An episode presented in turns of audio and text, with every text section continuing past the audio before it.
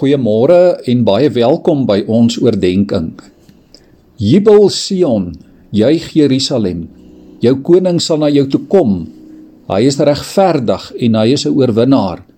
Hy is nederig en hy ry op 'n donkie, op die hingsvul van 'n donkie. So voorspel die profeet Sagaria in die Ou Testament die koms van Jesus as die verwagte Messias koning. By verskeie geleenthede word na Jesus verwys as die koning oor die hele aarde. En bo aan die kruis op Golgotha weet ons skryf die Romeine sy naam Jesus die koning. In een van ons bekende liedere sing ons ook gereeld Majesteit, glansryke heerlikheid.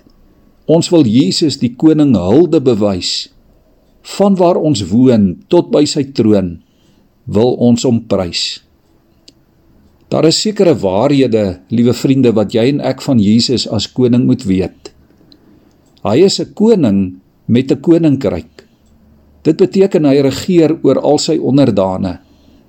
Hy het hulle ja elkeen van ons losgekoop en die prys vir ons betaal. Sy koninkryk strek oor alles en almal tot aan die eind uiteindes van die aarde. Sy koninkryk is ook 'n ewige hemelse ryk waarin sy getroue volgelinge vir altyd deel. Ook die wat hom nie nou erken nie, ook hulle sal die knie buig en bely dat hy die ewige koning is. Hy is ook 'n koning sonder 'n swaard. Hy veg nie met aardse wapens nie. En die stryd van sy onderdane is nie teen vlees en bloed nie. Hy gee vir ons die swaard van sy gees en van sy woord as wapen vir 'n geestelike stryd. Hy verower mense harte nie met pyl en boog en gewere en bomme en missiele nie, maar met die mag van sy liefde. Wêreldryke kom en gaan, maar sy ryk van liefde bly vir altyd. Toe die magtige Romeinse ryk in die jaar 40 of liewer 410 tot 'n val kom, het die kerkvader Augustinus uitgeroep: Rome het geval, maar die koninkryk van Christus bly staan. Hierdie koning wat jy en ek aanbid is ook nederig. Hoor ons dit vanmôre. Hy ry sommer op die rug van 'n donkie. Hy soos 'n skaap wat stil is voor sy skeerders.